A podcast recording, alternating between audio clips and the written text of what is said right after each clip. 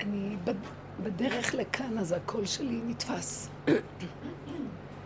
יכול להיות המזגנים, מזגן של האוטו וה...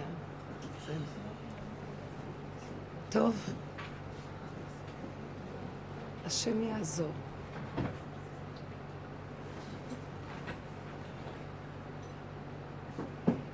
אנחנו עומדים לפני יום כיפורים. בדרך של העבודה שלנו, המשמעות היא לא כמו בדרך הרגילה. המשמעות הופכת להיות עקרונית וקטן, הכל קטן. עבודה מדהימה שעשינו.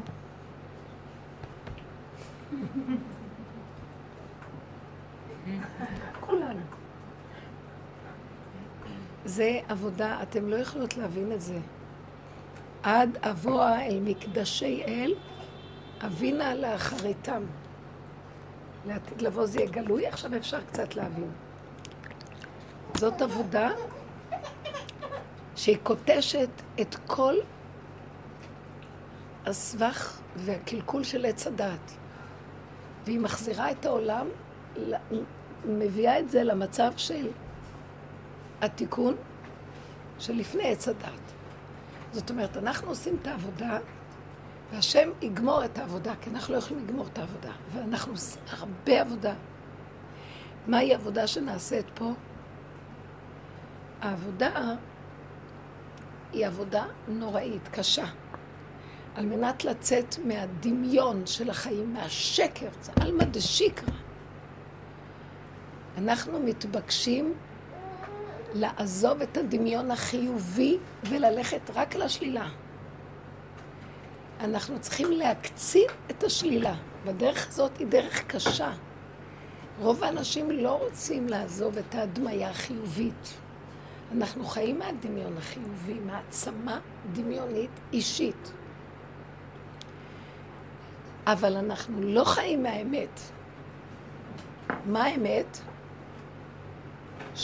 שאנחנו לא מציאות בכלל. אנחנו צינור שדרכה זורמת מציאות, והיא לא שלנו בכלל. אין לנו בעלות עליה. יש לנו דמיון המציאות. והשם, שזה אנרגיית החיים האמיתית, הוא בעל המציאות. אותו עשינו דמיון, ואנחנו מציאות. הפכנו את היוצרות לגמרי. וכל פעם שאני אומרת, אבא, איפה אתה? אז הוא אומר לי, אבא, איפה אתה? גנבת. גנבת לי את המציאות. את חושבת שהשכל שלך, והכוח שלך, והיכולות שלך, זה לא שאני עושה את זה בכוונה. התוכנה שבה אנחנו עובדים היא הדמיה נוראית של ישות. אם לאדם, אני אגיד לכם, בחפירה העמוקה שעשינו, אחורה, אחורה, אחורה, לראות שזה הכל אני, כלומר, הכלל שמוביל אותנו בעבודה הזאת, היא שהשני הוא רק המראה שלי, על מנת לצאת מהדמיון הנוראי הזה. הכלל של העבודה הוא קטן, אבל חייבים להתמיד בו בשיגעון. השני הוא רק המראה שלי. כל מה שאני רואה אצל השני זה אני. מובן שאני לא יכול לסבול לראות את עצמי, כי אנחנו מתוכנתים עם דמיון חיובי, או שאיפה לדמיון חיובי. גם אותו מופנם, שהוא הולך תמיד עם מסכנות, בגלל שהוא חושב שהוא היה צריך להיות כמו השני שהולך לו, הוא במסכנות. אבל הוא בדיוק כמו זה חושב שהוא משהו, זה חושב שהוא לא משהו, וזה חושב שהוא משהו, אבל זה אותו עיקרון. זה בחיובי של זה, זה בשלילי של זה, אבל זה נבלה וזה טרפה. וכשעובדים עם העיקרון כל הזמן, כל מה שאתה רואה בחוץ זה אתה, אין אדם, או כמו שכתוב, כל הנגעים אדם רואה חוץ מנגעי עצמו. זאת אומרת, את עצמו הוא לא יכול לראות רק על ידי השני. אז לקבל שזהו, זה מלחמה בפני עצמה. קודם כל, כמה מדרגות. כשהוא לא מוכן להודות שזהו, בתוכנה של הטבע הוא אומר, הוא מצטדק, מכסה ומאשים את השני. זה הפסיכולוגיה של עץ הדת. וכל העבודה כדי לפרק את הדמיון הזה היא באותו רגע לעמוד, באותו רגע שמראים לי את מציאותי. כלומר, דעו לכם, כל הזמן מראים לנו את מציאותנו, אבל אני דוחה אותה. אני לא מוכן לקבל. זה כל כך נדחה עוד בתת הכרה.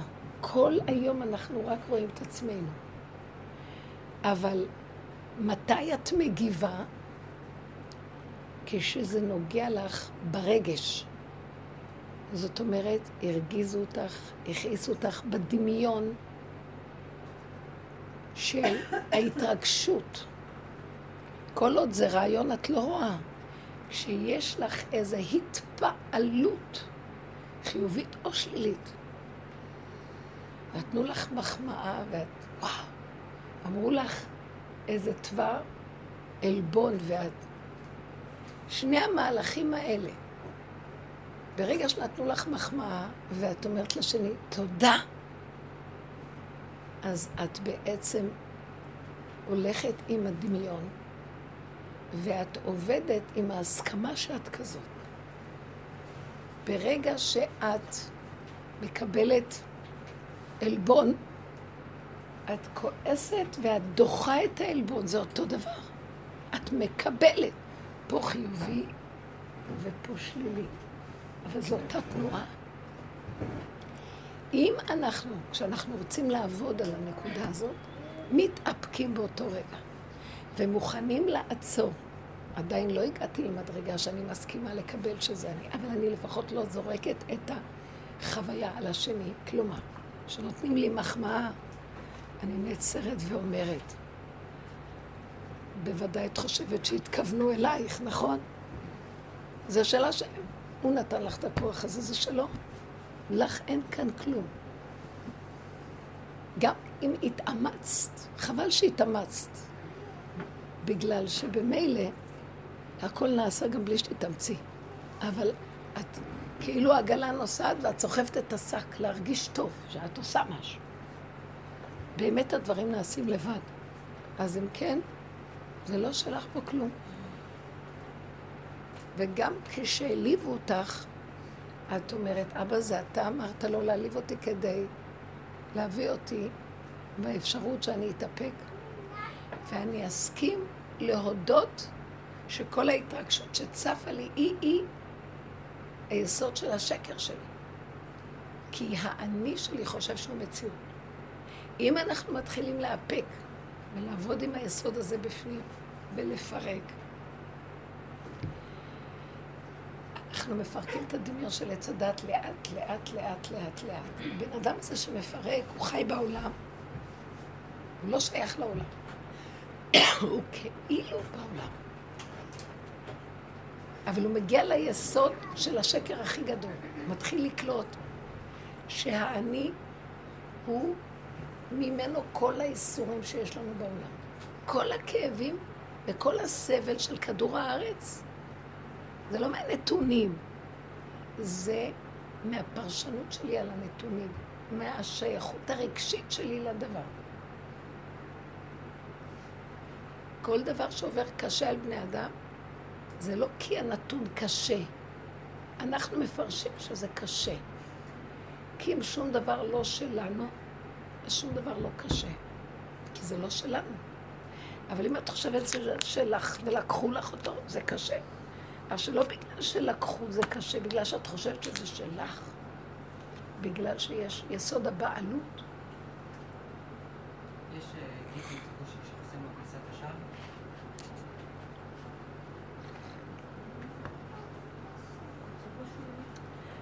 אתם יודעים, אחור, אחור, אחור, אחור, הגעתי ליסודות, אני מתהלכת. וכל היום אני בבושה. כל היום אני מרגישה שאני מתביישת. אני מרגישה חרפה וביזיון. למה? הביזיון והחרפה זה שיא הגאווה. נדמה לי, אני רק רואה בן אדם, אני לא יכולה לסבול שהוא נושם והולך בעולם. אני מקנאה בו, אני רוצה להיות הוא. למה? יש לו כך וכך ולי. הוא לקח את זה ממני, זה שלי. אתם לא יכולים לתאר לעצמכם איזו תחושה, וכל היום אני מתהלכת עם חרפה. מה זה חרפה? עליבות. מה זה עליבות? זה היה צריך להיות שלי ולקחו לי. מסכנות. וזה שיא הגאווה. אתם קולטים מה אני מדברת? אני מתהלכת, אף אחד לא לקח לי כלום, אף אחד לא אמר לי שום דבר, וכל היום אני מרגישה חרפה ובושה. ואני קולטת שזה שיא השורש של הגאווה. אז אני אומרת לו, ריבונו שלנו, אי אפשר לחיות פה. נדמה לי שאם מישהו אמר איזה דבר חוכמה, זה שלי, ולקחו לי את זה ואמרו את זה, במקום שיגידו שזה אני אמרתי, אז הוא אומר כאילו זה שלו. מישהו יש לו איזה משהו. זה היה צריך להיות שלי. אבל אין לכם מושג את השורש, ואני רואה שזה השורש של המנגנון של עץ הדת. גדלות, גאווה, קין, קין. קין לא יכול לסבול אף אחד. הוא רוצה את הקניינות של הכל בשבילו. כשנוגעים בשורש הזה, זה סוף הדרך. את צריכה להודות שזה את. את הגנבת. ואת בעלת הגאווה הכי גדולה שיש בעולם. וכשאדם מודה באמת, זה יום הכיפורים. זה היסוד של יום הכיפורים. אפילו אם נראה לך שמה שאת אומרת לא עשית. הכל עשית, ויותר גרוע.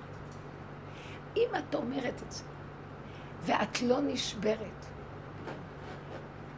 כי קודם כל התהלכת עם חרפה נוראית או כעס, איך יכול להיות שהם כאלה וכאלה ויש להם כזה בית, בוא נגיד. איך יכול להיות שהוא כך וכך והוא בכלל לא חכם והוא מדבר דברים כאלה? זה לא נורמלי, זה לא שפוי, זה לא רמה. אבל זה אני, זה היסוד שלי. כשהגעתי למקום הזה אמרתי, ריבונו של עולם, אי אפשר לחיות ככה. אני לא רוצה לחיות פה יותר. אלא אם כן, אתה תיקח את זה ותסדר את זה. כי הנה, הבאתי לך, הודיתי בגניבה ובגזלה הכי גדולה שיש, שאני חושבת שרק אני צריכה לחיות בעולם ואף אחד לא. לא מאמינים? בואו נסתכל בתוכנת עץ הדעת. איך זה מאיים על הבן אדם אם רק לא אומרים לו קצת מחמאה על עצמו. שהוא יגיע למקום להתוודות שהוא הרוצח הכי גדול בעצם. הוא הגנב הכי גדול, קין, קין רצח. עכשיו, אני לא רצחתי, אבל אני בפוטנציאל תמידי של להרוג. כן, לא סובלת אף אחד. פתאום כל החברתיות הדמיונית שיש לי על העולם נופלת. כל אהבת ישראל נופלת, כל הדמיון שיש בכלל לעם ישראל נופל, אין כלום. יש יצור נברא שלא סובל אף אחד בעולם, וזה עץ הדת. עכשיו, תביני מה עשינו? הזזנו את הדמיון החיובי, את הדמיון, והסתכלנו על שלילתנו עד הסוף. זה משחרר אותנו מהתודעה הזאת של עץ הדת. למה? כי אמרתי לו, יותר גרוע מזה לא יכול להיות. עכשיו אתה תבוא, תתגלה, ואתה תמלוך, תקח את המלכות שלך בחזרה, אני לא יכולה לנהל אותה. זה גנב שלא יכול להכיל את הגניבה שהוא גנב, והוא כל הזמן כאוב מזה. כל פעם שבן אדם כאוב ממשהו בעולם, באותו רגע הוא אומר, זה גדול עליי, למה בכלל? שמתם לב? בן אדם פתח עסק, פתאום שולחים לו כל מיני מס הכנסות. איזה חרדה יש לו.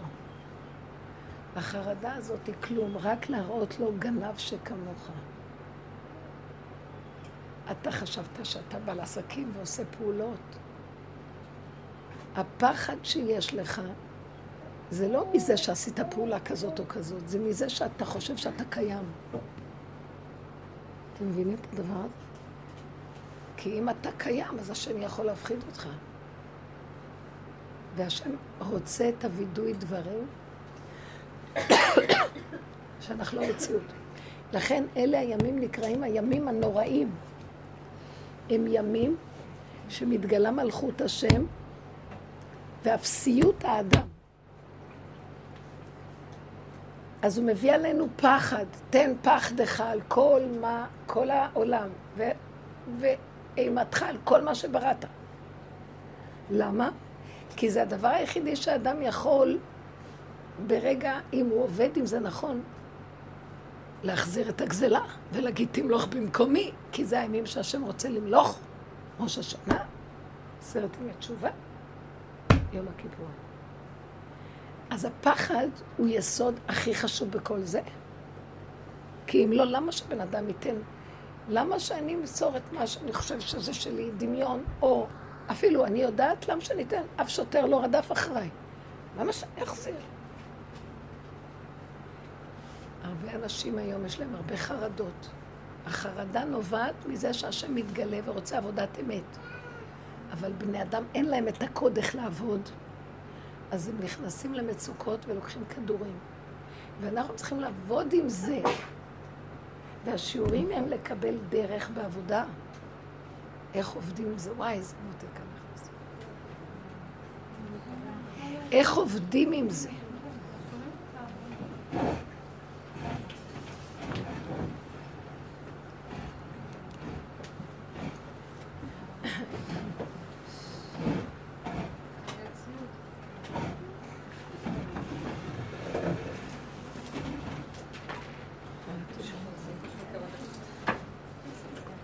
עכשיו, למה התחלתי? כי כל העבודה שלנו, כל השנה זה על הימים האלה. כל השנה אנחנו עובדים על העיקרון הזה של ראש השנה ויום הכיפור.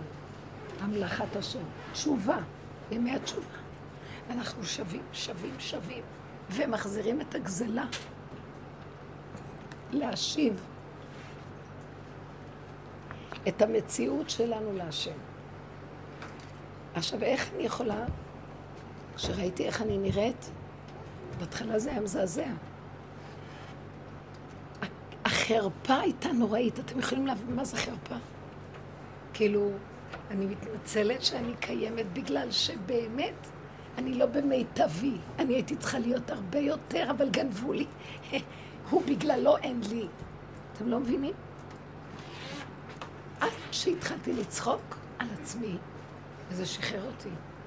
כי הצחוק הוא גנבת, ואין לך דרך כדי שלא תשתגעי, רק להודות ולהחזיר את זה להשם. להחזיר את זה להשם. וזה יסודו של יום הכיפורים. אני ביום הכיפורים האחרונות, אני אומרת לו, על חטא שחטן, על חטא שחטן.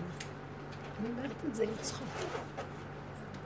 כי היא לא, לא יכולה יותר להצטער על כלום. אני לא יכולה להכיל. אם עבדים עם הדרך הזאת, לא יכולים להכיל שום דבר. אני לא יכולה להכיל את ראש השנה, את התפילות, את הסימנים, את הסעודות. אני לא יכולה להכיל. אני לא יכולה להכיל את עשרת ימי תשובה ולעשות תשובה. אני לא יכולה להכיל, לא יכולה.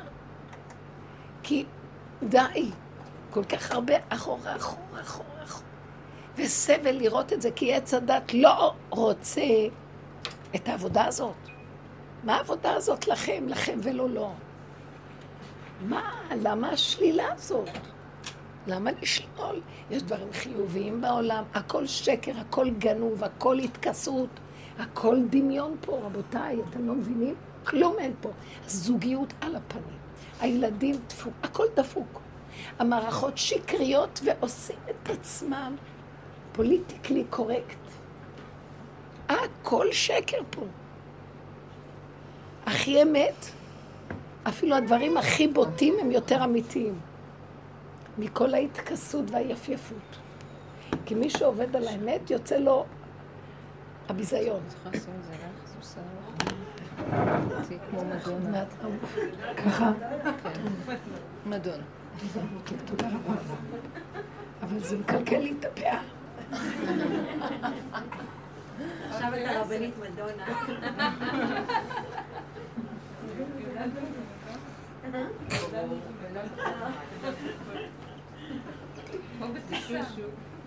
כמו בטיסה. רגע, איפה זה הלך? זה בסדר, זה באיזון.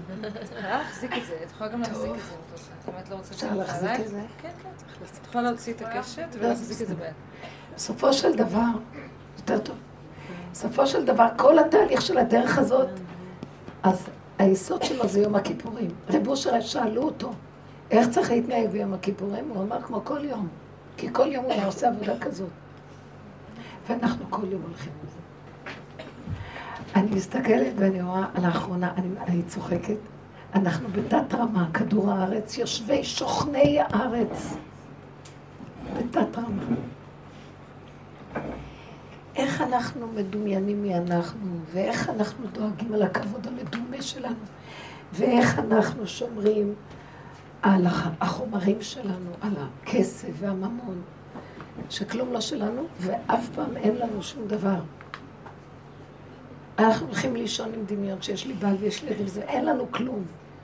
רגע אחד ירו ב, ביהודי הזה ממשמר הגבול, שהיה פיגוע בירושלים, רגע אחד הוא נעלם. רגע אחד אין. אין. אין איפה כל מה שהוא צוואר, אין אישה, אין כלום, אין. אין. אין לו כלום. למה אנחנו צריכים שזה יקרה לנו ואז נראה? אנחנו צריכים לראות את זה קודם, ואז לא ייגעו בנו. כי מעוררים את האדם, מביאים לו פחד. אם הוא לא יתעורר להביא את הפחד לעצמו, קצת להתנדב לאמת, אז קשה לבן אדם להתנדב ולעשות העיר השחר, לעורר את העבודה. נגיד מיד בכלל, אני צריכה איזה גירוי קטן. אבל מספיק רק גירוי קטן, וצריך להתעורר. מה הבן אדם חכה שיחבטו אותו, ומקיר לקיר ידביקו אותו. והוא גם צועק, אני לא מבין מה, מה רוצים ממני. כל מה שאנחנו עוברים פה, הכל זה בורא עולם קורא לנו לשוב אליו. הכל. כלום. אם אדם עובד באמת, שלא יגיד שום דבר לשני. טענות, מענות, ויכוחים. רק שיגיד, טעים, איך אתה נראה טוב? קשקושים. אין משמעות בכלל לקשר עם בני אדם. ככה הוא עשה לי, כמה נתתי, כמה עשיתי. זה ההתנהגות שלו. אין, זה תת רמה. השני הוא רק המראה שלי, נקודה. שיעזור טוב, לא יעזור גם טוב. ייכנס טוב, ילך, לא חשוב. את יכולה להיות נשואה ולפרק את כל הנישואים במחשבה שלך. את לא מבינה? כי הנישואים הדמיוניים האלה שיש לי, בעל, יוצרים את כל הכאבים. למה? כי אם יש לי, אז צריך לתת לי, והוא מחויב לי. אחר כך גם הוא יעשה לך את אותו דבר.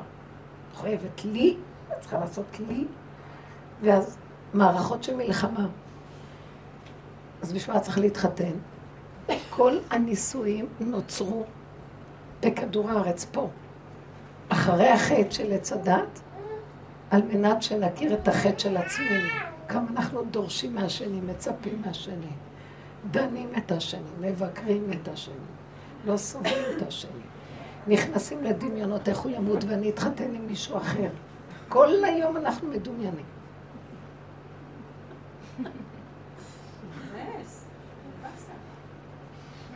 הנישואים יכולים להיות דבר אחד. אני אגיד לכם את האמת. וואי, זה קשה להגיד את זה.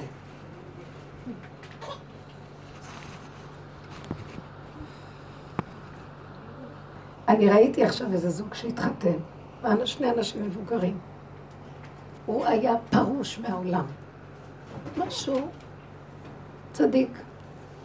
והיא נורא רצתה להתחתן, היא גרושה רצתה להתחתן עם צדיק. והוא אף פעם לא התחתן. טוב, אז היא בכל מיני זוויות היא אהבה לו, והצליחה ליצור מצב שהוא יתחתן. אני שאלתי אותו, כי אני, זה שכנים. אמרתי לו, אתה רוצה להתחתן? אז הוא אמר לי, לא, זה היא רוצה. אז מה איתך? לא משנה לי. אז כל דבר, הוא אמר לי, זה היא, זה היא. והוא הולך אחריה. היא כנראה החליטה להתלבש עליו, ו... ואני ראיתי איך היא, מאחר והיא מאוד רוצה, אז היא מצליחה לכבוש אותו. אף אחד לא רצה אותו. היא רצתה אותו. עכשיו, למה היא רצתה אותו? כי מישהו אמר לה, הוא צדיק? אז היא נהיה לה דמיון שהוא צדיק, היא מתחתנת עם צדיק. איך שהם התחתנו. לא, אבל גם הוא לא כל כך מבין, אפילו נורא מצחיק. הוא לא יודע מה הוא עשה כשהוא התחתן, אבל הוא מאוד תמים. אז קצת לפני שהם היו צריכים להיות בחופה, אז uh, הוא אמר לי, אני רוצה ללכת לאיזה מקום, להביא משהו, לעזור למישהו. אמרתי לו, זה לא השעה לעזור לאף אחד. זה השעה שהולכים לחופה. אה, אז הוא אומר, אה, כן? טוב. וככה הוא הלך ברמה הזאת לחופה. אנחנו לקחנו אותו, לקחו אותה. את צריכה לראות מה נעשה שם. מיד אחרי שהם התחתנו, קידשו אותם, עשו משהו קטן. אני ראיתי את הידי מדוזה שלה עליו. אי אפשר כלום. אי אפשר לדבר איתו, אי אפשר לבוא אליהם, אי אפשר, זה שלה. אז הוא בא, יום אחד הוא בא לקחת משהו מהדירה שלו, הוא דופק בדלת. אז בעלי פותח לו, מה שלומך? אומר, בסדר, אבל אני, אני חייב לחזור מהר, כי היא לא מרשה לי. וראית אותו מבועת, הוא רק רצה ממנו, מאיתנו איזה משהו. ראיתי אותו מבועת. לא, אבל היא לא מרשה לי כבר. כמו ילד קטן. וראיתי איך היא, עכשיו, היא התחתנה בשביל זה. אתם לא מבינים, אני לא רואה אותה, אני רואה את עצמנו. כל אחת רווקה רוצה להתחתן, שיהיה לה את מי לנהל ועל מי להשתלט. ורגע, איך שהיא מתחתנת, חגרה את הסינור, שמה עליו רגל, והיא מנהלת אותו. אתם לא יכולות להבין את הדבר הזה, זה חווה שהרגה את הדם. זה משהו בנחש שבתוך האדם. עכשיו, זה היא, זה אני. וכל הנישואים אני רואה את זה. בעבודה הזאת, קודם לא ידעתי. הייתי בוכה, למה נתנו לי את הזיווג שנתנו לי? היה נראה לי שאני צריכה מקובל אלוקי.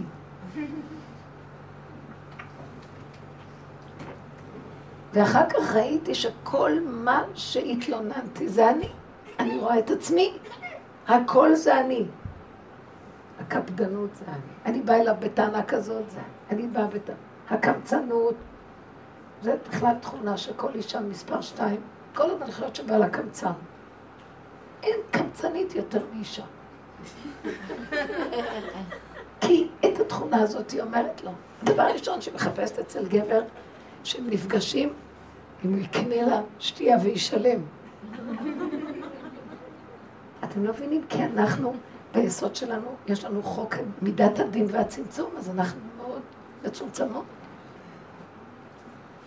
אחרי שכל הזמן אני רק רואה אמרתי, אבל התחתנתי בשביל לראות את עצמי, כי אני לא יכולתי לראות את עצמי, אין אדם רואה ניגי עצמו רק מבחוץ. כל הנגעים הוא רואה רק מחוץ. אז התחתנתי בשביל לראות את עצמי, תודה שהתחתנתי עם מראה. והחיים נראים אחרת לגמרי. זה נראה ששני בני אדם, לאט לאט את יורדת ממנו, אני נותן דוגמה עם הבעל, זה יכול להיות עם חברה, זה יכול להיות עם ילד. את יורדת, יורדת, יורדת, אין טענות, אין מנות, שקט, תעביר את המלח, היה טעים, הכל טוב. מה צריכה לדבר יותר מדי? ואז נהיה דבר מעניין. אין מאוימות, אין דרישה, אין ציפייה, אין מלחמה. יש שקט. כל אחד חי את החיים שלו, תחת קורת גג אחת. ומעניין מאוד. אם את עובדת נכון, גם השני מתיישר באותו דרך. האישה היא כל העיקר פה. ואת רואה שיש מי שחיתן אותם פה. שכינה ביניהם. הלו, השם חיתן אותנו, המקדש עמו ישראל על ידי חופה וקידושין. זה ברגע שהרב אומר את הנוסח הזה, נהיה כאן עכשיו קידושים. אז השם, עכשיו הוא מופיע והוא מחבר ביניהם, לא צריך לדבר. רגע פה ורגע פה, רגעים קטנים מחברים, לא צריך יותר מזה, זה נקרא נישואים טובים. חברות, זוגיות. כמה שאנשים מנסים להשיג את זה, תמיד הם נשארים עם איזה כלי שבור. זה לא מה שהם חשבו. היה לנו תקופה חברות טובה, אבל זה לא התמיד. יצאנו קצת, והייתה לנו זוגיות פעם. כל מיני דמיונות. הבנתם? עכשיו, כי אחרי שאדם מפרק את הדמיון של השני, הוא מתחיל להתחבר עם עצמו, עם השכינה של עצמו. ואם הוא מחובר עם עצמו, כל אחד סביבו אוהב אותו. והבעל גם. גם הוא יתחבר עם השכינה של עצמו.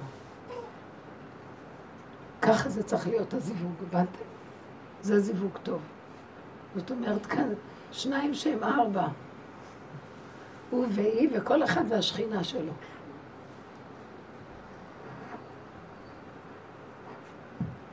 אז זה, אנש, זה חיים של אמת וחיים של שלום. אף אחד לא חייב לי. בגלל שהתחתנתי חייבים לי. כן, יש לנו ילדים שותפים, יש תפקידים, יש הסכמה. אבל אם היינו חיים עם אמת, אם השני לא עושה, תעשי את, בלי טענות. בסוף השני יתיישר. אבל את אומרת, לא, ינצל אותי.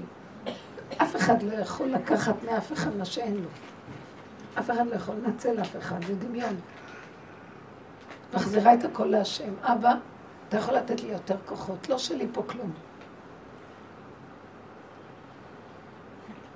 הייתי בהתחלה מנפנפת שאני המפרנסת של הבית, הוא לומד תורה.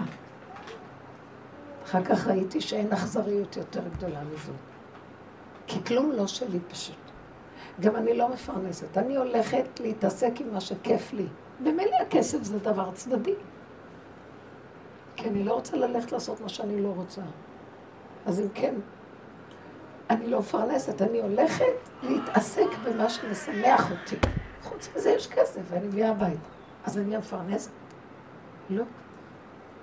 מתי אישה אומרת את מפרנסת? כשאני עבד, בזיעת אפיך תאכל לחם. בן אדם עושה מה שהוא לא רוצה לעשות בכוח. זה כמו אישה מופקרת, שאין לה ברירה. לא נכון, יש לנו ברירה. אני מדברת עם השם, אני אומרת לו, לא. הוא לא מפרנס, אז אני חייבת לפרנס. הוא לא יפרנס, וגם אני לא מפרנס, אתה מפרנס. אני רק הולכת להתעסק, ואתה מברך אותי בכל איפה שאני שמה את היד. מה יש? מתחילים ליישר קו עם אמת. חיי אמת. הילדים, את כועסת עליהם, כמה נתתי לכם? מה לא עשיתם שלכם? זה מה שמגיע לי. מפגרת. מה זאת אומרת? את לא צריכה לתת לילדים, כי את חייבת. את נותנת כי נעים לך לתת. השם נתן את הרצון לתת לילד. כשאת עוברת את הגדר, את תסבלי. כי לכל דבר יש את הגבול והמידה. השם נתן לאימא את הרצון, למשל, תינוק נולד. השם נתן לאימא את הרצון להאכיל אותו. היא בשמחה מאכילה אותו. עכשיו, הילד קם לאכול מהאימא. באופן טבעי, ילד, תינוק שנולד, בחודש הראשון אולי השני הוא קם בלילה. באופן הטבעי הוא לא, אחרי שלושה חודשים כבר הוא יכול לישון כל הלילה. אתם חמומות ממני? בחודש הראשון גם. אבל מה?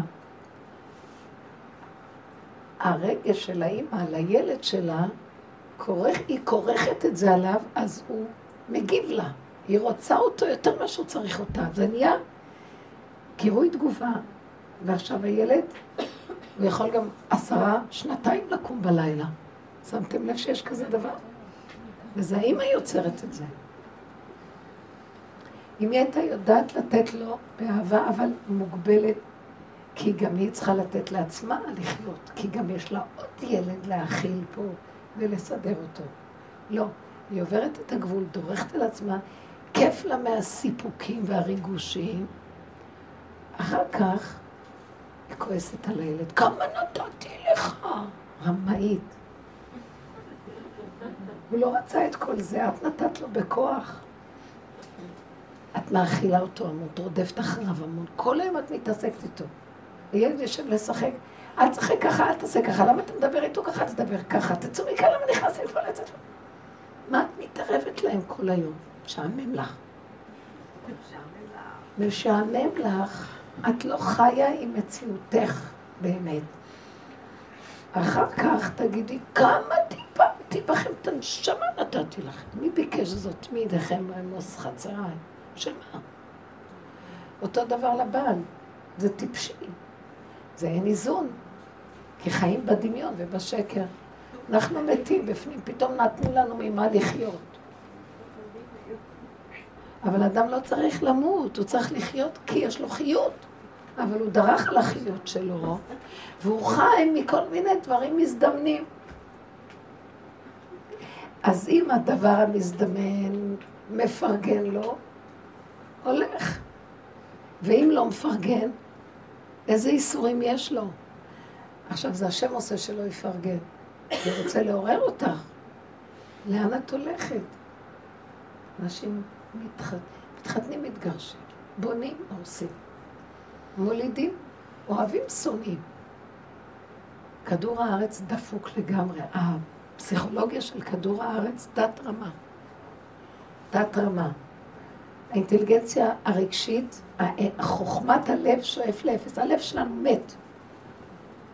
אומר הנביא, עקוב הלב.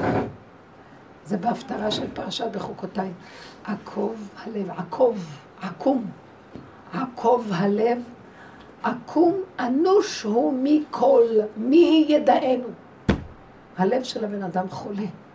זה יסוד חטא עץ אדם. נחשים ועקרבים, תיבת פנדורה. וכולם מכסים, וכולם יפים. תחפרו שם, כי זה הישועה שלנו, להודות באמת. זה לא השני ולא השלישי. זה לא אף אחד. אין את מי להאשים. עד שהבן אדם עושה את כל העבודות שיש, והוא נשאר רסק. הכוונה, הדמיון שלו מתרסק, כי לא קורה לו כלום. אז הוא יכול לקום ולהגיד, די, בורא עולם, אל תיגע בי יותר, אני כבר לא יכול. למה אתה לא יכול? אני מודה שאני גנב. הוא מחכה, מחכה שנודה לו בזה. יום הכיפורים. זה יום הכיפורים. אבל כולם הולכים על חטא, ועל חטא, ועל חטא. אין לנו את העומק להבין, אנחנו אומרים משפה לחוץ. מה שפתיים? אבל פינו וליבנו אינם שווים. זה כתוב. צעקה אחת שאדם נותן מתוך הבשר ודם שלו כשהוא חווה את האמת שלו, הפחד הנורא ממשהו. ואז הוא אומר, אתה מפחד ממה? מהשוטר. כי יש לך גנב תמידי בתוכך וגילו אותו. אה, הגנב שבי פוחד שיתפסו אותו, ותופסים אותו. איזה פחד מוות זה, שיעמוד באותו רגע, ויקח את הפחד, ובמקום להלביש את זה על המס הכנסה, על זה, על הרשויות, אליך. אבא, זה אתה שלחת אותם לעורר את זה. ואני עומד, מת מפחד, לא יכול להכיל את הפחד. אבל זה הדרך היחידה לעמוד ולהגיד, אם אני מפחד, סימן שאני הגנב. לא הם באים ואומרים לי, את גנבת מאיתנו כסף. אתם לא מבינים? כל העולם פה מכוסה ומסודר שאלה כביכול הצדיקים, ואלה לקחו מהם, ואלה השוטרים ואלה הגנבים. כולם גנבים, גם השוטרים. כל המערכות פה. כי השוטר חושב שהוא רודף אחרי הגנב, הוא לא רואה את הגנב של עצמו. אז מה, אני אבוא אליו בטענה? תתחילי את לעבוד, נראה אותך. אל תבואי בטענה לאף אחד בעולם. לאף אחד. העבודה הזאת מביאה אותנו למקום הזה. זו מותי בא לי עבור פי. אני מבקשת מכם, תלמידות שעובדות כאן שנים, זה כלל ברזל, נכסי צאן ברזל.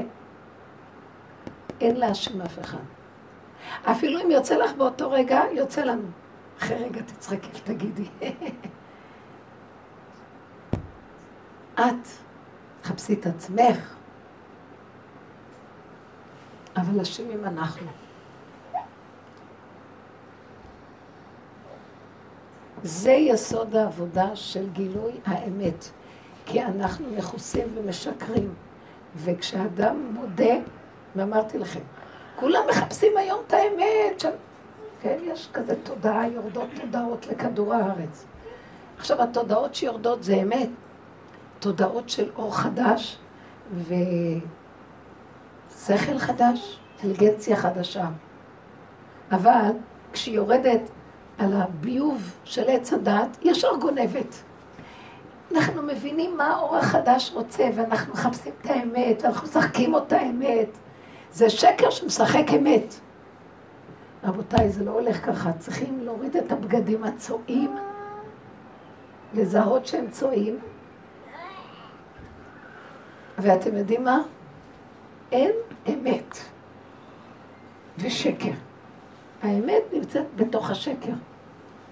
לא שתורידי את הבגד הצועב ואז תשימי עלייך את האמת. הבגד, את עובדת, עובדת, עובדת, עובדת, מגיעה למקום שאת אומרת, אין לי תקנה. אני, איפה שאני לא זזה, אני מקנאה בכל מה שזז. אני לא יכולה לסבול לחיות. אתם לא מתארים לעצמכם מה שעובר לי. בהתחלה זה היה מזעזע, אחר כך הבנתי שאני רק צריכה לצחוק, כי זה לא, זה לא, זה, זה תת רמה. כל יום את הולכת כאילו העליבו אותך ואף אחד לא אמר לך מילה. האגו משוגע. כל, הייתי הולכת ברחוב וחושבת שאומרים, הייתי שומעת אנשים מדברים, פישר, פישר, פישר, פישר. הייתי חושבת שכולם הם רק מדברים על פישר. אתם מבינים? מי שמדברת עם מי שאני עונה לה, כאילו מדברת אליי. אתם לא מבינים? זה מצב חולה, אני מזהה את החולים. ואז אני אומרת, איך אני אחזיר את הגזלה בכלל? אני לא יכולה, זה המציאות שלי. את לא נדרשת לקחת השקר ולהתלבש בהם. בתוך השקר יש אמת. תודי בשקר, מתגלה השם, והוא יסדר את האמת, כי השם אמת, ואת השקר. אין אמת. יורד אור של אמת. אנשים שאין להם עבודה, להודות בשקר, לא יכולים לזהות האמת, אז הם משחקים אותה מודעות ותודעות ו... ניו אייג'ים וכל מיני דברים, שקר, כל כדור הארץ מלא שקר, מלא. הכל גנוב, הכל בא מהאני, שמחכה תודעות גבוהות. אותו אחד שמדבר גבוה וזה, ייגעו בו ככה. חכו, תראו מה הוא יעשה. ויגידו לו, השני הוציא ספר יותר ממך, אתה לא יודע מה עכשיו כתבו, ספר חדש. הוא ימות. רגע הוא יחווה אפילו להגיד מילה כי זה לא יפה, זה לא רמה, אבל בפנים. ולכן כל העבודה היא להכיר את זה ולהודות. וכשאדם עומד ומודה ומודה עד הסוף, וכשהוא מודה הוא לא צריך להגיד, אני מודה שאני כזה, אני מודה שאני כזה. למה? כי במקרה אני כזה, באמת אני לא צריך להיות ככה, אני צריך להיות יותר חיובי. אני רוצה להיות בסדר. זה שקר גם. כי עוד האני רוצה להיות במקום השם משהו משהו. אין. שתצחקו על הדבר, תגידו לו, אבא, אין מתום בבשרי. לא, אין מתום בבשרי. אין מתום בבשרי. זה פורים. כי פורים צריך להיות פורים. אבל כשהוא מודה בכיפורים, באותו מעמד נהיה פורים. כי ביום הזה יכפר עליכם לתאר אתכם מכל חטאותיכם לפני השם תתארו. כי ביום הזה, במצב הזה שאדם מודה ועוזב, מה זה עוזב? אומר לו, תשמע, אני תקוע בתוכנה שאני לא יכול לצאת ממנה, אני מודה. רק אתה יכול להוציא אותי. אני מודה, ואתה תוציא אותי מפה. אין אסיר מתיר עצמו בבית האסורים, תוציא אותי. הדיבור הזה שאדם מתעקש עליו, מביא לו אחר כך, אתם יודעים איך מתגלה האמת? רק על ידי צחוק. אם נצטער, זה עוד גנוב לי שאני רוצה להיות משהו. כאילו, אני רק במקרה ככה, עוד מעט אני אהיה משהו אחר, והאמת תתגלה לי. אני שקר ואתה אמת. אז אין לי סיכוי, רק שתתגלה עליי. תתיישב, יגאל הנה ופרוס נא חביבי עליי את סוכת שלומך. תאיר ארץ מכבודיך, אז נגילה ונשמחה בך. אבל שאני, יהיה לי אמת, עוד פעם אני גונב. אתם קולטים? אז כשאדם מקבל ומבין שהוא תמיד יהיה שקר. מה שלא יהיה, הוא יהיה שקר. והוא צוחק, כי ככה זה. אז השם מתגלה עליו. הבנתם? והוא נהיה שפל בעיני עצמו, כי זה... מי שצוחק על עצמו הוא הכי שפל.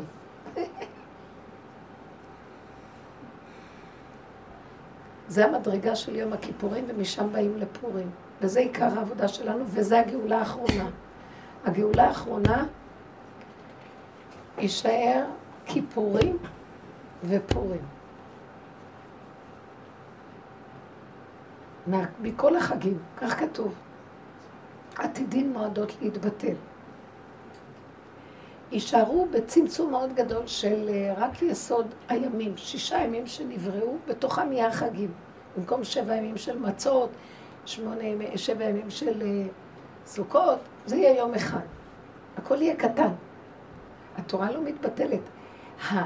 ההרחבה של עץ הדעת נכנס לשישה ימים, השם ברא שישה ימים. שישה ימים, בריאה של שישה ימים, שם ייכנסו המועדים. טיק, טיק, קטן. השם כתב בתורה שצריכים כן להתחתן. תיק קטן. חיבור קטן ושלום. כל אחד יחיה את עצמו, ועוד פעם חיבור קטן. לא ישבו אחד על השני, יציקו. השם אמר פרו ורבו, קטן, בן בבת. ערימות של אנשים, אפשר לסבול את החיים. השם, השם לא אשם. אנחנו נכנסנו להדמיית עץ הדת והכנסנו את התורה לתוכה.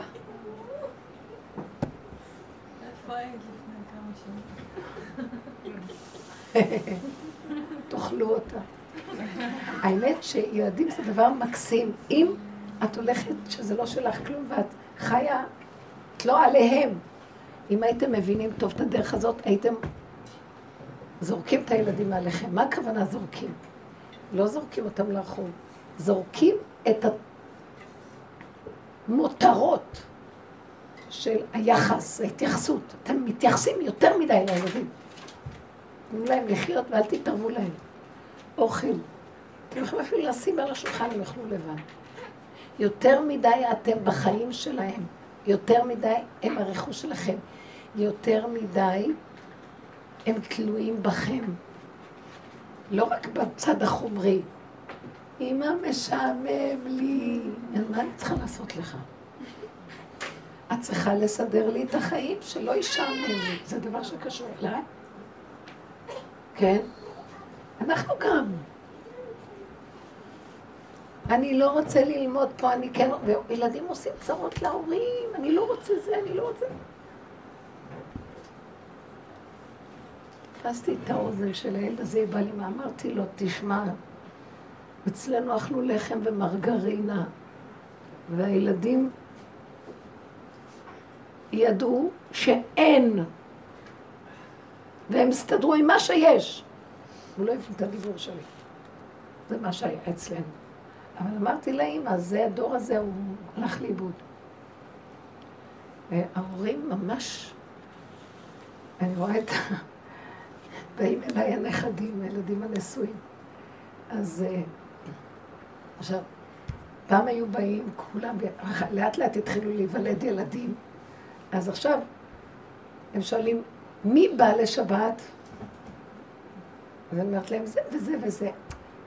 זה יותר, אנחנו מאוד רוצים לבוא, אנחנו צריכים קצת שקט, כי אנחנו צריכים לשים את מוישי בחדר לבד, ואת שלוימה בחדר זה, ואת איציק בחדר אחר, כי הם לא יכולים לישון ברעש. אני אומרת, למה? תשכיבו אותם וזהו. לא, עכשיו, איך הם משכיבים אותם? צריכים לקחת אותם, להשכיב אותם. לקחת אותם, לשבת איתם. כולו רבע עוף שנולד לפני שנה, צריכים להשכיב אותו, לדבר איתו, לספר לו. קשה לו להירדם. ילד עייף צריך לישון. אתם לא מבינים מה נהיה? אני המומה, אני מסתכלת ואומרת, לי היה מוסד של בנות, שהיו לי הילדים הקטנים. אחד היה כאן, אומר, אמא, אני חושב שיש לי חום. אין לך כלום, אין לך כלום, הכל בסדר. תלך לחדר הכל, תבקע טוב, לא קרה כלום, אני חייבת ללכת לעבודה. הולך, חוזר בריא. מה זאת אומרת? זה אכזריה. כל רגע יש להם משהו. התורה משמחת אותם, וזהו, יוצאים מהכל. מה אני יכולה לעשות? רוצים להתפנק עליי, הייתי אומרת להם, פעם אחת אמרתי, אין לי כוח לי יותר כלום. שמעת? גם אני בן אדם. כן, כן, קצת, אתם מבינים? גבול. כן, יש רגעים של חיבה וזה, אבל כשטוב לי, הלאה נמאס לי מכם כולכם. יותר מדי אתם מתמסרים. לא, כי אני, לא שלקחתי את הזמן הזה לעצמי. הייתי עסוקה בצורכי ציבור ואנשים ובית ועניינים, אז יש גם זמן לילדים, אבל יש עוד דברים, והם רוצים את הכל רק להם. לא יכול להיות, לא. תלך לישון, אתה עייף, לך לישון. אתה רעב? אמא, אני רעב. אכלת כבר קודם. כמה צריך לאכול? מה זה לא ככה? אתם לא מכירים את הירושלמים? וואי, אחד ילד לקח מה, מהקופה צדקה איזה כמה גרושים ראיתי מהצד, אמרתי לו, אם, אם אתה תיקח מהקופה, אני אגיד לכל השכונה. וואי, איך הוא נבהל. זהו, ככה. פתח את המקרה, הוא אומר, אמא, מתחשק לי, משאיר את הכל פתוח. אמרתי לו, מה? אין אצלנו מתחשק לי, אכלת לא מזמן. זהו, תסגור את המקרר. אתם לא מבינים שזה לא, אני לא עשיתי את זה מאכזריות. ילדים צריכים גבול, מידה. מה זאת אומרת קשקושים, דיבורים, ועוד פעם ועוד פעם? הם יהרגו אותך, הם הלא מפגרים. סליחה שאני אומרת, הם ילדים, שוטים, נשים ועבדים, חז"ל שמו אותם בקטגוריה אחת. כי הילדים יכולים לשגע את הבן אדם, כי אין להם שכל. אז צריכים לאהוב אותם ברמה פשוטה.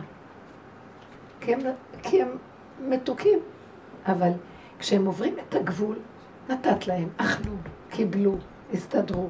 מה אתה עוד רוצה? אמא צריכה להיות חזקה. אני אגיד לכם למה, כי אנחנו לא חיים את הגבול של עצמנו. גם אני בן אדם. לא שאני מתפנקת ולוקחת לי את מה שאני לא אתן להם, אני אקח לעצמי. לא. יש לנו המון מה לעשות. אנחנו גם עובדות בחוץ, גם בבית, גם עם הבעל, גם זה. כמה בן אדם אחד יכול להכיל? אתם מבינות מה אני אומרת? אז הנקודה הזאת זה ההפקרות של עץ הדת, ההתרחבות והסיפוקים והריגושים, גדר גבול מידה. ואחורה, אחורה, אחורה, אין לכם דבר יותר גדול מזה. עכשיו, ילד בוכה, לכי אחורה פנימה, ותגידי, אני לא יכולה לסבול אותו. תגידי את האמת לעצמך. אל תגידי לו, אל תצעקו על הילדים, רק תעבדו עם עצמכם. מקסימום תעמידו אותם בצורה נכונה. אבל עם עצמכם. לא. זאת אומרת, לראות את הנקודה, עכשיו את, המצפון מייסר אותך, אז תלכי להתחנף לילד. זה בדיוק מה שמצמיח אותו לא נכון. אם אמרת לו, אכלת, אין יותר עכשיו אוכל. את הולכת אחר כך, הוא ילך לישון רעב, מסכן, לא אכל. המצפון הזה מייסר אותך, זה השד. אמרת, מספיק, הוא באמת אכל, הם לא צריכים לאכול הרבה. ילדים פעם הבאתי ילד לרב אושר ושאלתי אותו, אמרתי לו, הילד לא אוכל כלום. הוא אומר לי, כלום? אמרתי לו, הוא לא אוכל, כל היום לא. הוא לא יכול להיות שהוא לא אוכל כלום. אמרתי לו, כלום. אז הוא אמר לי, משהו הוא אכל היום? אמרתי לו, במבה, אחת. אז הוא אומר לי, את רואה שהוא אכל? מסוכריה יכולים לחיות שבוע. תראו מה אנחנו עושים להם באוכל. בסדר, צריך לתת. אבל השיגעון, אז המצפון יבוא, וזה שקר. אבל את תלכי, תעירי אותו ותתני לו, ואל תגיד לאף אחד, רק לך עכשיו. אז הוא אוכל. הוא הולך להגיד, אמא נתנה לי לאכול, כמה. איך תעשי להם טובה. לא, אני רואה שהם מבוהלים מהילדים. זאת אומרת, הם משכיבים אותם, ואז שקט, עלטה, סגור. הולכים על גאונות הרגליים, אסור לזוז. והילדים מציקים להם. דווקא מתעוררים. כי הם קולטים את העניין של ההורה, אתם לא מבינים? הם קולטים את החרדה של ההורה ומנצלים אותה. עכשיו תגידו לי, זה הדמיון של עץ הדת, וכולם מסובכים עם הכול. אנחנו קולטים, משרד החינוך קולט את החרדה של ההורים, שהם רוצים ילדים נהדרים, אז הוא יושב עליהם ומכביד את העול שלו, פרו, אח, והאח, עוד ספרים, עוד חומרים, עוד שיעורים, עוד חוגים. אתם צריכים לדאוג לילדים, אנחנו כן, וככה כל המערכות. האזרחים שהם בחרו בכל השלטון, השלטון קולט שהאזרחים מטומטמים, כי אנחנו לא עובדים עם עצמנו. אז הוא כל פעם עוד מס, עוד דבר, עוד נקודה, עוד עניין, והאזרחים נורא טובים. אתם לא מבינים שמערכות משתמשות בנו? כי אנחנו, אין לנו גבול ומידה נכונה. זה נקרא שקר של כדור הארץ, תודעה שקרית. מי צריך את כל הבחירות האלה? מי צריך את כל זה? הכל שקר. למה שתהיה לנו מדינה. אגיד לכם את האמת, אין כזה דבר מדינה. יש מה שנקרא בן אדם אחד ועוד אחד ועוד אחד ועוד אחד. וכשאדם חי ככה בלי לחשוב מדינה, יש שלום. כי אם הוא חושב שיש מדינה, אז הוא כבר צריך להשתעבד למדינה. כי יש מדינה. מה זה מדינה? את יכולה להסביר לי מה זה מדינה? זה מושג רעיוני, זה לא מציאות. אה, יש מדינה. זה לא נכון, אין מדינה. יש אנשים, והפרט הוא הכי חשוב. שיהיה לו טוב. עכשיו, יש עוד אחד לידי שטוב לו, ועוד אחד לידי שטוב לו, ועוד אחד. זה לא אומר שלא יהיה, שיש איזה אחד שיכול לארגן משהו. אבל הוא לא צריך לרדות בי, צריך להיות לי חיים טובים במדינה. סידרו מדינה, כותרות, צרים, עניינים, צבא, שמה צריך את כל זה? זה אתם לא מבינים שהבן אדם עשה לעצמו את הקבר שלו יכול לצאת ממנו. האמת, בן אדם צריך לחיות חיים טובים בחיים שלו. הוא התחתן, צריך לראות חיים טובים. עשה לעצמו את הגיהנום שלו יכול לקום ממנו. ילד ילדים אותו דבר. אבל שכחנו שאנחנו כאן, כל זה עשו, עשינו בשביל לחיות טוב. אז את מסדרת מדינה, משפחה, מושגים, ספרייה של מושגים. ילדים, בעל, נישואים, ואת חיה על הפנים. אז את משתחווה לספרייה. ומה איתך? והדרך הזאת מתחילה לשים את הדגש עליי.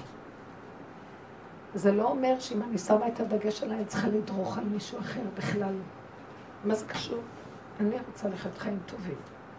יש לי תפקיד, אימא, קצת, שזה ייהנה וזה לא יהיה חסר. מה דעתכם?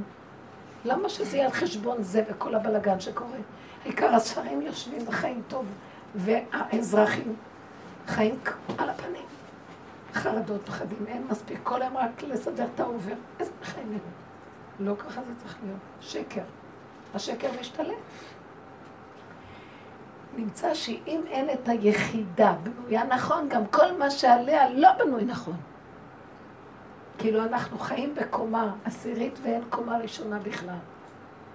אז זה לא טוב, הכל מעורער פה. והבן אדם מחפש את נפשו למות, לא רוצה לחיות פה. אז אתה אומר לו, טוב, תלך לבלות, תלך לשתות במועדון, אז הוא כאילו מעביר את החיים, אבל לא טוב לו. אתם יודעים מה זה בן אדם שטוב לו? שהוא לא טוב לו על הכיסא, לא רוצה לזוז לאף מקום. טוב לו עם עצמו. כן יהיה לו עוד ילד, לא יהיה לו ילד, כן יהיה נשוי, לא יהיה נשוי, טוב לו! כל הרווקות, שמעתם? שיהיה לכם טוב עם עצמכם, עכשיו תחפשו עוד מישהו. אבל לא ככה. כולם דפוקים, מחפשים שמישהו ישלים להם את הדפיקות.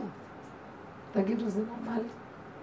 לא, אם אני אתחתן, יהיה לי חיים יותר טובים. נהיה לך עכשיו שתי בעיות.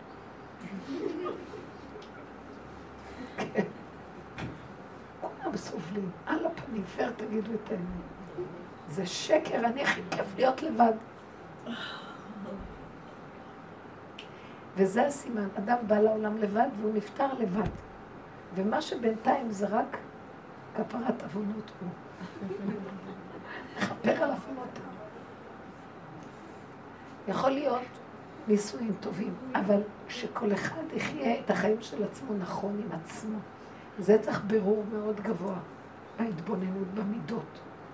המדידה של המידה צריכה להיות מאוד מדויקת. אז השם מתגלה ונותן להם חיים טובים. כן, חיים טובים יש. יש, יש כאלה חיים טובים פה. יכול להיות כזה דבר עם שני אנשים, כן. אני מאמינה בזה. אני יודעת מעצמי שיש, שאני בעבודה הזאת הגעתי למקום שיש לי רגעים כאלה של אהבה אמיתית שאינה תלויה בדבר. סתם הגינות. להיות עם עוד בן אדם בצורה הגונה, בלי לנצל. בלי להתלבש על משהו, שיצא לי איזו תועלת עצמית לעצמי. זה נכון. יכול להיות לרגע, אז אני יכולה להבין שיש עוד כמה רגעים ביחד, יכול להצטרף לי יותר. אבל יש כזה מקום. אבל באמת של האדם זה רגע אחד ביחידה של עצמו, והוא צריך לטפח אותה, וזה מה שאנחנו עושים בשיעורים. כל הזמן לפרק את השקרים ולהתחיל להתבונן איך להגיע ליסוד האמת הכי נמוך. האמת נמצאת מארץ תצמח אחורה. עכשיו תגידו לי אתם משהו. מה שאני כל הזמן מדבר. כן. אני רוצה להגיד שבזכות העמידה, זה סיפור של לפני שנה, אבל אה, הבת שלי המתבגרת פתאום הפסיקה לאכול. אבל כשאני רואה שזה... מה זה מתבגרת? מתבגרת זה 16-17. אז היא הפסיקה לאכול ממש בהפגנה. והחלטתי בזכות האלימות לא, לא, לא להיכנס לפחד הזה של עכשיו היא את זה, זה כבר היה... בכפייתיות. כן, כבר היה... גבולי. אבל ממש עבדתי על עצמי, כאילו, נכנסתי פנימה רק עם עצמי, לא, לא, לא לקנות את הסיפור הזה. אתם שומעות? ואני לא, לא, לא, לא, לא משתתפת בזה ולא משחקת את המשחק הזה ולא מאמינה לזה. כאילו, לא... לא מאמינה למשחק הזה שהיא עכשיו... אה, לא מאמינה לפחד. מעלה אותו להשם. כן. אז מה את רואה? וזהו, עבר. אתם רואים? כי ברגע שאת נותנת לזה ממשות, הייתי משתפת את זה עם מישהי, אז הייתה אומרת לי, את לא נורמלית, חייבים לעשות משהו. כאילו, את לא נורמלית. אה, את צריכה לא- לשתף את זה עם מישהו בעבודה. אתן צריכות להיות חברותה. מישהו שלהם בעבודה. כי זה נותן תמיכה. חייבים, תדעו לכם, בדרך הזאת חייבות להיות חברותה. התמיכה מאוד חשובה, אבל זאת הדרך, כי ברגע שאת מתייחסת, זה נהיה עכשיו פי שניים בעיה.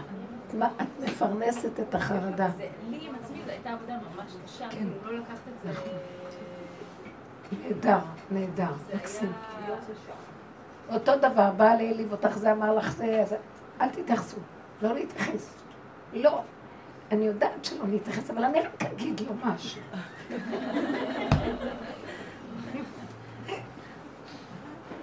אין לכם מושג, נצחנות, הווכחנות. אז זה עבודת אמת, זה לשחוט, זה לשחוט את הדמיון ולא יורדת לך טיפת דם ונראה לך שאת מתה, את לא מבינה, זה קשה. הדמיון של הישות הוא נוראי. נראה לך שאת, הרגו אותך, אז אמרו לך, לא תיכולה לישון. כך הוא אמר לי, ככה אמרתי לו, למה לא אמרתי לו? כן, אמרתי, הייתי צריכה להגיד לו תמיד אחרי מה יעשה, למה לא אמרתי לו ככה וככה? את לא יכולה לישון.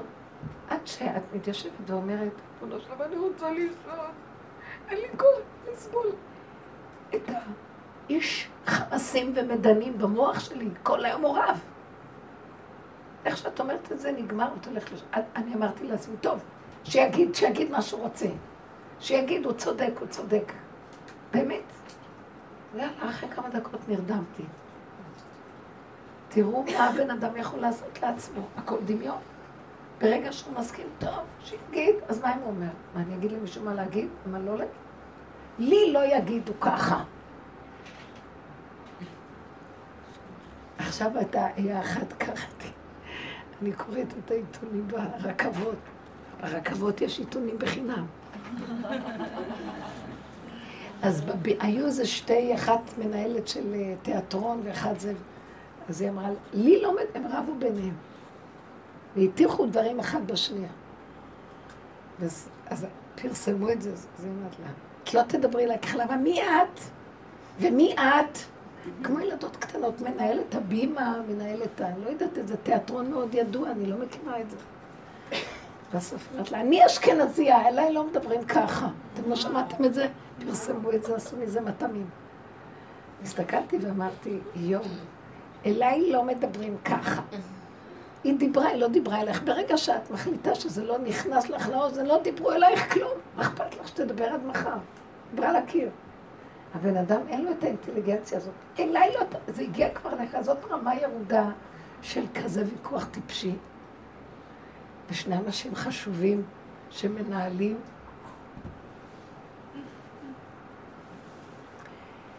ואמרתי, באותו רגע שכל כך כואב לי, באותו רגע השם אומר לי, אני שלחתי את זה אלייך, בוא נראה אותך עוזבת אותו ובאה אליי.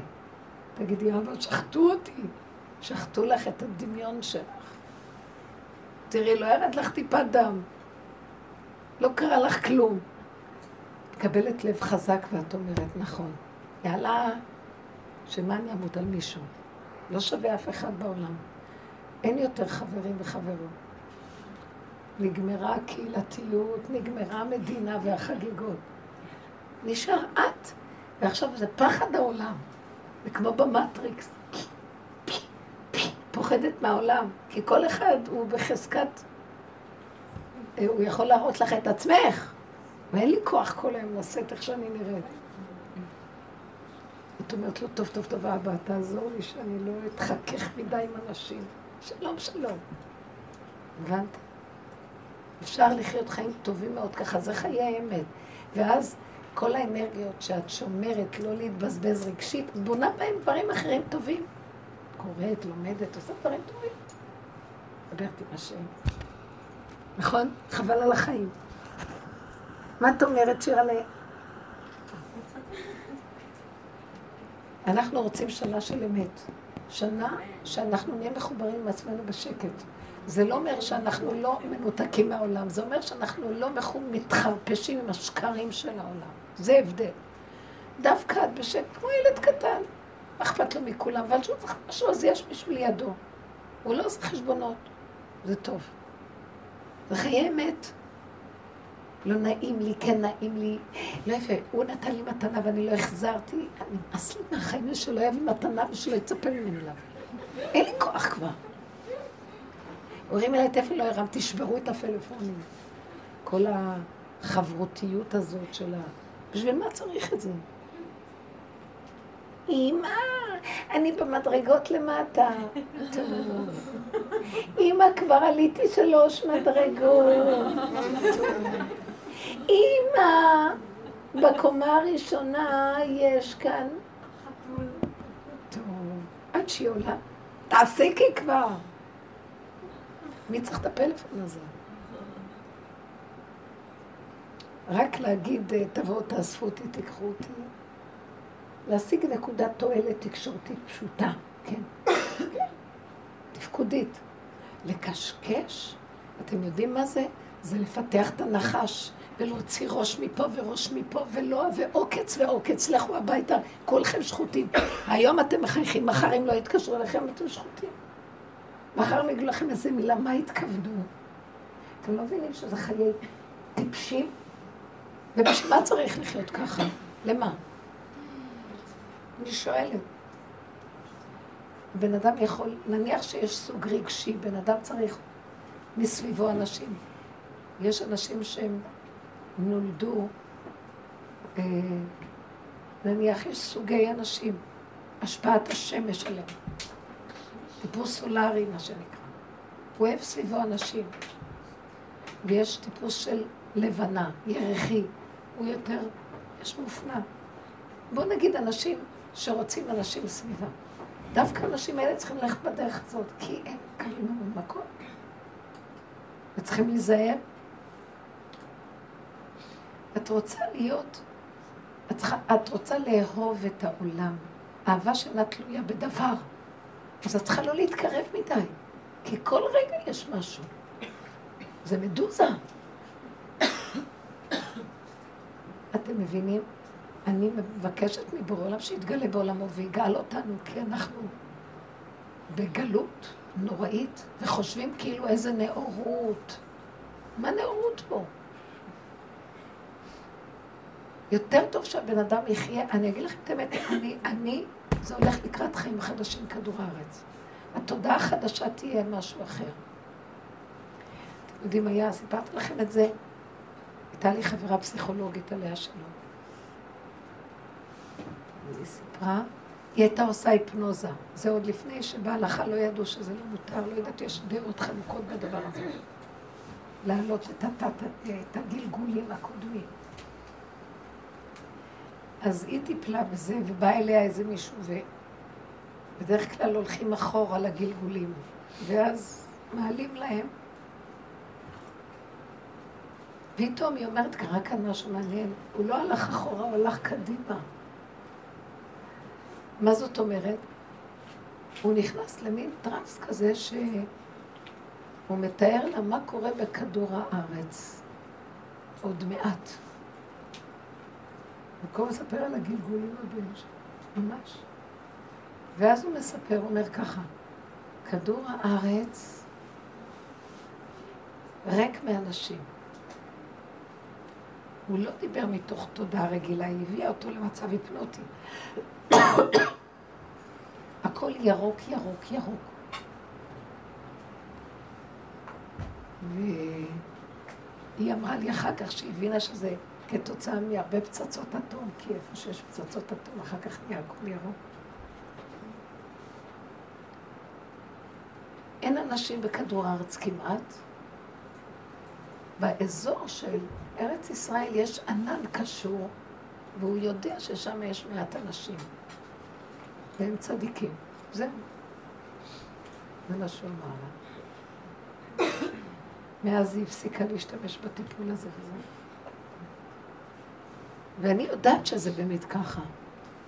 גם בלב זה כתוב. זאת אומרת, אני לא מסתכלת עכשיו מה יהיה בעולם. אני העולם הזה, ומה שקורה שם, שהוא תיאר על העולם, זה מה שקורה בחיים שלי. נהיה לי, עבודה שלי זה מלחמת גוג ומגוג, מה שעשינו פה. פצצות אטום עפו לכל הכיוונים. זה לשחוט את הישות, זה לא דבר פשוט בנות. שאדם מבזים אותו והוא שותק והוא נשרף. והוא אומר, אבא זה אתה, זה אתה, אין כאן אף אחד. עד שהוא צוחק, והוא אומר, אין בין... זה לוקח, זה עבודה. עוד פעם, עוד פעם, עוד פעם. כמו שהיא אמרה, הבת שלה לא אוכלת, ויש חרדה שהיא לא תיכנס לאנורקסיה או לאיזה מצב שהוא כפייתי. עכשיו היא לוקחת את הפחד הזה ואומרת, אבא, אתה שלחת לי את הפחד כי אין כאן אף אחד. רק אתה שומר עליה. אני אעלה אליך את הפחד ואתה תתגלה ותשמור, כי אני אם השם לא ישמור עיר, שב שקד שומר. אם השם לא יבנה בית, שב עמלו בוניו. תתגלה. אני לא יכולה יותר לחיות עם הגירוי תגובה לעולם.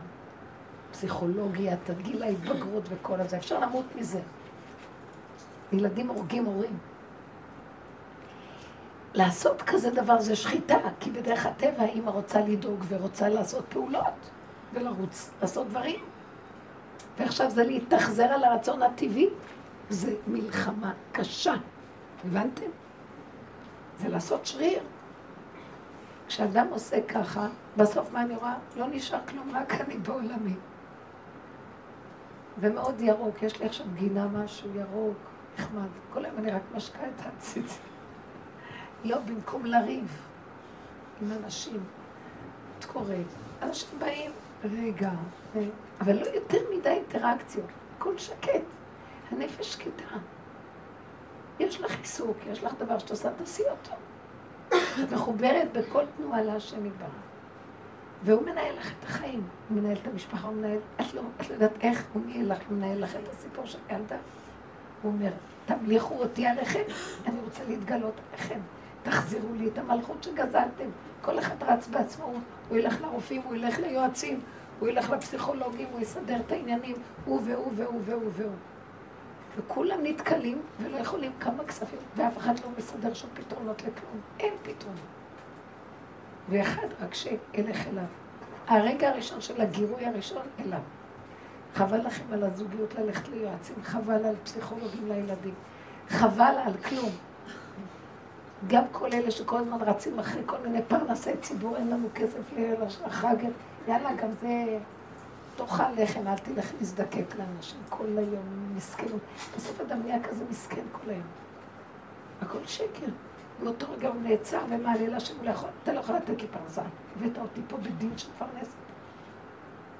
כל תינוק בא וכיכרו בידו. אבל אני קלקלתי, כי אני הלכתי לשים את מבטחי באנשים במקום בך. אז זה מה שקרה לי. אז לחזור אליו, לחזור, לחזור, לחזור. כשחוזרים אליו, בסוף נשארים את והוא. אני והוא הושיענה. הושענו, עוד מעט, סוכות הושענו. כן? שיושיע אותנו. הושיע את עמך וברך נחלתך. ורעם ונשאם אדונה. תראה אותנו כמו שרואה מבקר וחיים עדרו. זה מה שאנחנו צריכים. אז זאת העבודה מביאה למקום הזה, וזה כדור הארץ מתחיל להיות מקום של אמת. יורדת תודעת אמת. לדעתי השנה ירד תודעה חדשה פה, אבל תנצלו אותה, תנצלו.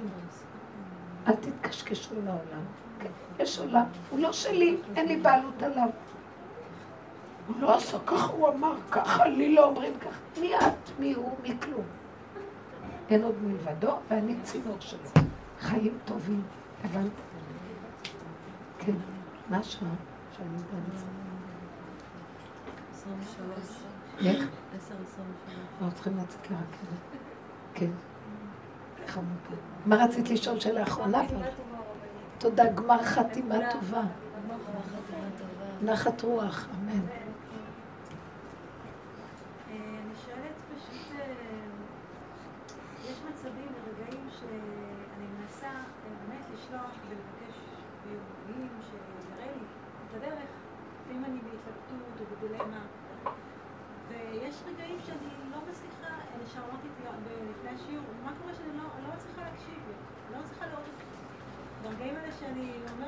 אז תרפי, את יודעת מה, יש לך כוס, תראי את הכוס.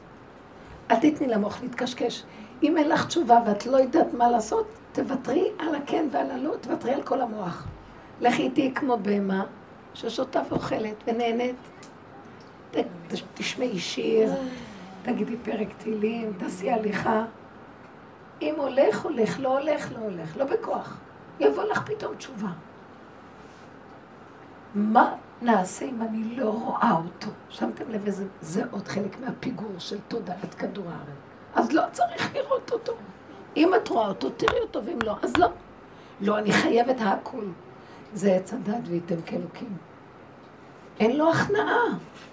כי ככה זה. עכשיו, אין לי, אז אין לי. יש לי, אז יש לי. פשוט. את יודעת שזה השם. זה אלוקות. אלוקות רוצה, תתגלה. לא רוצה, אני אגיד לה מה לעשות. אני יושבת, עושה משהו אחר. מה שמאפשרים לי לעשות.